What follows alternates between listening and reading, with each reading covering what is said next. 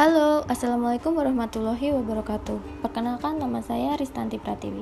Saya peserta Latsar Angkatan 7 Kelompok 3 dari Satuan Kerja Biro Keuangan Sekretariat Jenderal Kementerian Komunikasi dan Informatika. Di sini saya akan sharing learning journal atau jurnal pembelajaran terkait agenda 4 pada hari pertama tanggal 17 September 2021. Tutor pada pembelajaran agenda 4 ini adalah Ibu Anissa Nurul Aini Firdaus. Beliau juga merupakan tutor pada agenda 2 sebelumnya. Ibu Anissa juga sebagai coach untuk masa habituasi dan aktualisasi. Pembelajaran sinkronus dimulai dengan pembukaan pendamping kelas atau host dan pemimpinan doa, lalu disiapkan dan dilaporkan oleh ketua kelas. Kemudian sebelum masuk ke materi, tutor menjelaskan timeline atau learning journey agenda 4 yakni pada tanggal 17 September 2021 atau hari ini adalah coaching agenda. Pada tanggal 22 September 2021 adalah pembimbingan penulisan rancangan aktualisasi. Dan pada tanggal 10 Oktober 2021 juga ada pembimbingan penulisan rancangan aktualisasi. Dan yang terakhir tanggal 13 Oktober 2021 adalah evaluasi rancangan aktualisasi. Setiap materi agenda dirancang untuk pengembangan kompetensi para peserta latsar. Peserta diharapkan mampu melaksanakan fungsi ASN sesuai dengan Undang-Undang Nomor 5 Tahun 2014 Pasal 10 yaitu sebagai pelaksana kebijakan publik, pelayan publik serta perekat dan pemersatu bangsa. Kompetensi yang dibangun yakni PNS profesional yang berkarakter sebagai pelayan publik, yang artinya membentuk karakter CPNS agar mampu menunjukkan sikap perilaku bela negara, mengaktualisasi nilai-nilai dasar PNS saat bertugas, mengaktualisasi kedudukan dan peran PNS di dalam kerangka NKRI, serta menunjukkan penguasaan kompetensi teknis sesuai bidang tugasnya. Selanjutnya, Ibu Anissa menjelaskan tujuan pembelajaran agenda habituasi ini. Tujuannya yakni memfasilitasi peserta melakukan proses aktualisasi substansi mata pelatihan agenda 2 dan agenda 3 di tempat kerja melalui pembiasaan diri atau habituasi terhadap kompetensi yang telah diperoleh melalui berbagai mata pelatihan yang telah dipelajari. Mata pelatihan untuk pembelajaran agenda habituasi adalah aktualisasi dengan pembagian tahap kegiatan pembelajaran mulai dari konsepsi aktualisasi, penjelasan aktualisasi, rancangan dan pembimbingan aktualisasi, evaluasi rancangan aktualisasi, pembekalan habituasi, aktualisasi di tempat kerja, persiapan evaluasi aktualisasi, dan evaluasi aktualisasi.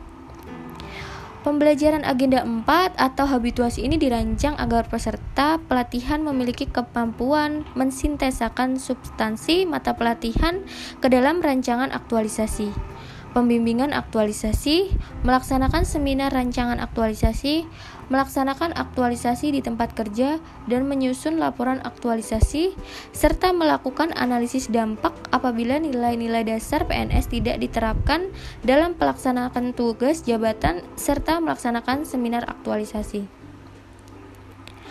Agenda 4 ini sangat berkaitan dengan agenda 3 Agenda 3 diajarkan dalam environmental scanning yakni dengan mempelajari isu-isu pada satuan kerja masing-masing peserta.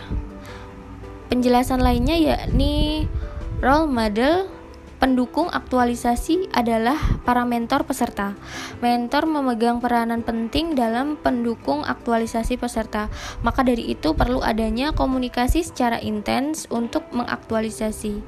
Juga peran mentor tidak hanya sebagai atasan tetapi juga sebagai backup untuk peserta jika mengalami kendala dalam aktualisasi. Aktualisasi menerjemahkan teori ke dalam praktek, mengubah konsep menjadi konstruk menjadikan gagasan sebagai kegiatan atau realita.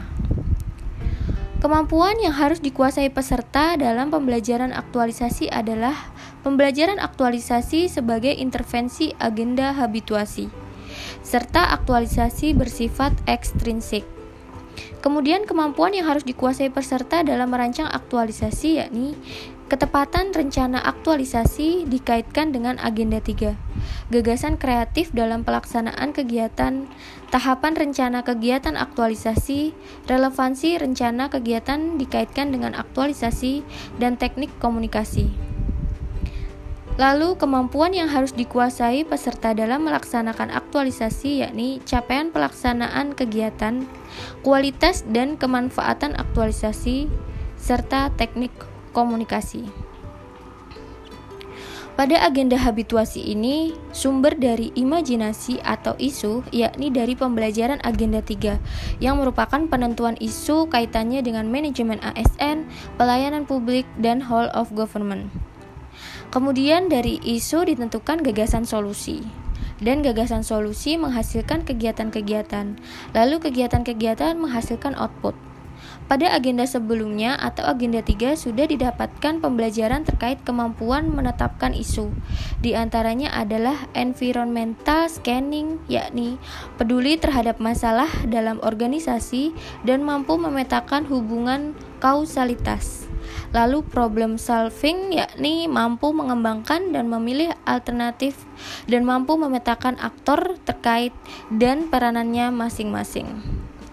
Dan yang terakhir, analisis, yakni mampu berpikir konseptual dan mengaitkan dengan substansi mata pelatihan. Mampu mengidentifikasi implikasi atau dampak atau manfaat dari sebuah pilihan kebijakan atau program atau kegiatan atau tahapan kegiatan. Pemilihan isu berpedoman pada materi agenda 3, yakni manajemen ASN, pelayanan publik, dan wall of government dan juga dari permasalahan yang muncul dari tugas sesuai SKP, penugasan pimpinan atau inisiatif dengan persetujuan mentor. Isu ini dicari penuntasan permasalahannya dengan ikut menganalisa dampak hasil, level dampak, dan keberlangsungan dampak inisiatif. Ibu Anissa menjelaskan metode teknik tapisan isu atau kriteria isu yang dapat digunakan yaitu teknik APKL, aktual problematik kekalayakan dan layak. Aktual artinya isu tersebut benar-benar terjadi dan sedang hangat dibicarakan dalam masyarakat. Problematik yakni isu tersebut memiliki dimensi masalah yang kompleks sehingga perlu dicarikan segera solusinya serta komprehensif. Kekalayakan yakni isu tersebut menyangkut hajat hidup orang banyak. Layak yakni isu tersebut masuk akal, realistis, relevan, dan dapat dimunculkan inisiatif pemecahan masalah. Atau dengan teknik USG, urgency, seriousness, growth. Urgency artinya seberapa mendesak suatu isu harus dibahas, dianalisis, dan ditindaklanjuti seriousness, seberapa serius suatu isu harus dibahas, dikaitkan dengan akibat yang akan ditimbulkan. Dan growth artinya seberapa besar kemungkinan memburuknya isu tersebut jika tidak ditangani segera. Dalam penetapan core isu dapat menggunakan beberapa teknik yakni yang pertama analisis terhasil konsultasi dengan mentor. Yang kedua teknik tapisan isu APKL. Dan yang dan yang ketiga, teknik tapisan isu USG. Teknik-teknik tersebut juga dapat dikombinasi untuk memperkuat penentuan core isu. Rumusan isu juga harus memiliki fokus, lokus, dan waktu. Ibu Anissa menjelaskan bahwa peserta harus menggali penyebab isu berdasarkan core isu yang ditetapkan. Dalam menggali penyebab isu, teknik yang digunakan bisa langsung mencari penyebab dengan kategori 5M: man, money, material, method, mesin tanpa gambar fishbone atau dengan gambar fishbone. Dan bisa juga keseluruhan 5M atau beberapa M saja. Selanjutnya, Ibu Anissa meminta peserta untuk menentukan core isu dari tiga isu yang sudah diidentifikasi pada agenda 3 dengan menggunakan teknik APKL dan USG. Range score 1 sampai 5. Isu dengan jumlah terbesar adalah isu terpilih. Kemudian Ibu Anissa meminta dua peserta latsar untuk memaparkan hasil penerapan penentuan core isu menggunakan teknik APKL. Ibu Anissa juga menjelaskan bahwa yang akan dilakukan analisis penyebab cukup satu isu terpilih dengan nilai terbesar berdasarkan metode APKL ataupun USG. Pembelajaran sinkronus ini ditutup dengan penyampaian tugas asinkronus individu. Pembelajaran pada hari ini berjalan dengan lancar. Ada sedikit kendala pada low bandwidth jaringan yang mengakibatkan koneksi unstabil. Untuk solusinya yakni selalu siap koneksi atau device cadangan. Demikian yang dapat saya sampaikan dalam learning journal hari ini. Semoga bermanfaat dan dapat menjadi refleksi untuk menjadi PNS profesional berkarakter sebagai pelayan publik. Terima kasih dan salam sehat. Wassalamualaikum warahmatullahi wabarakatuh.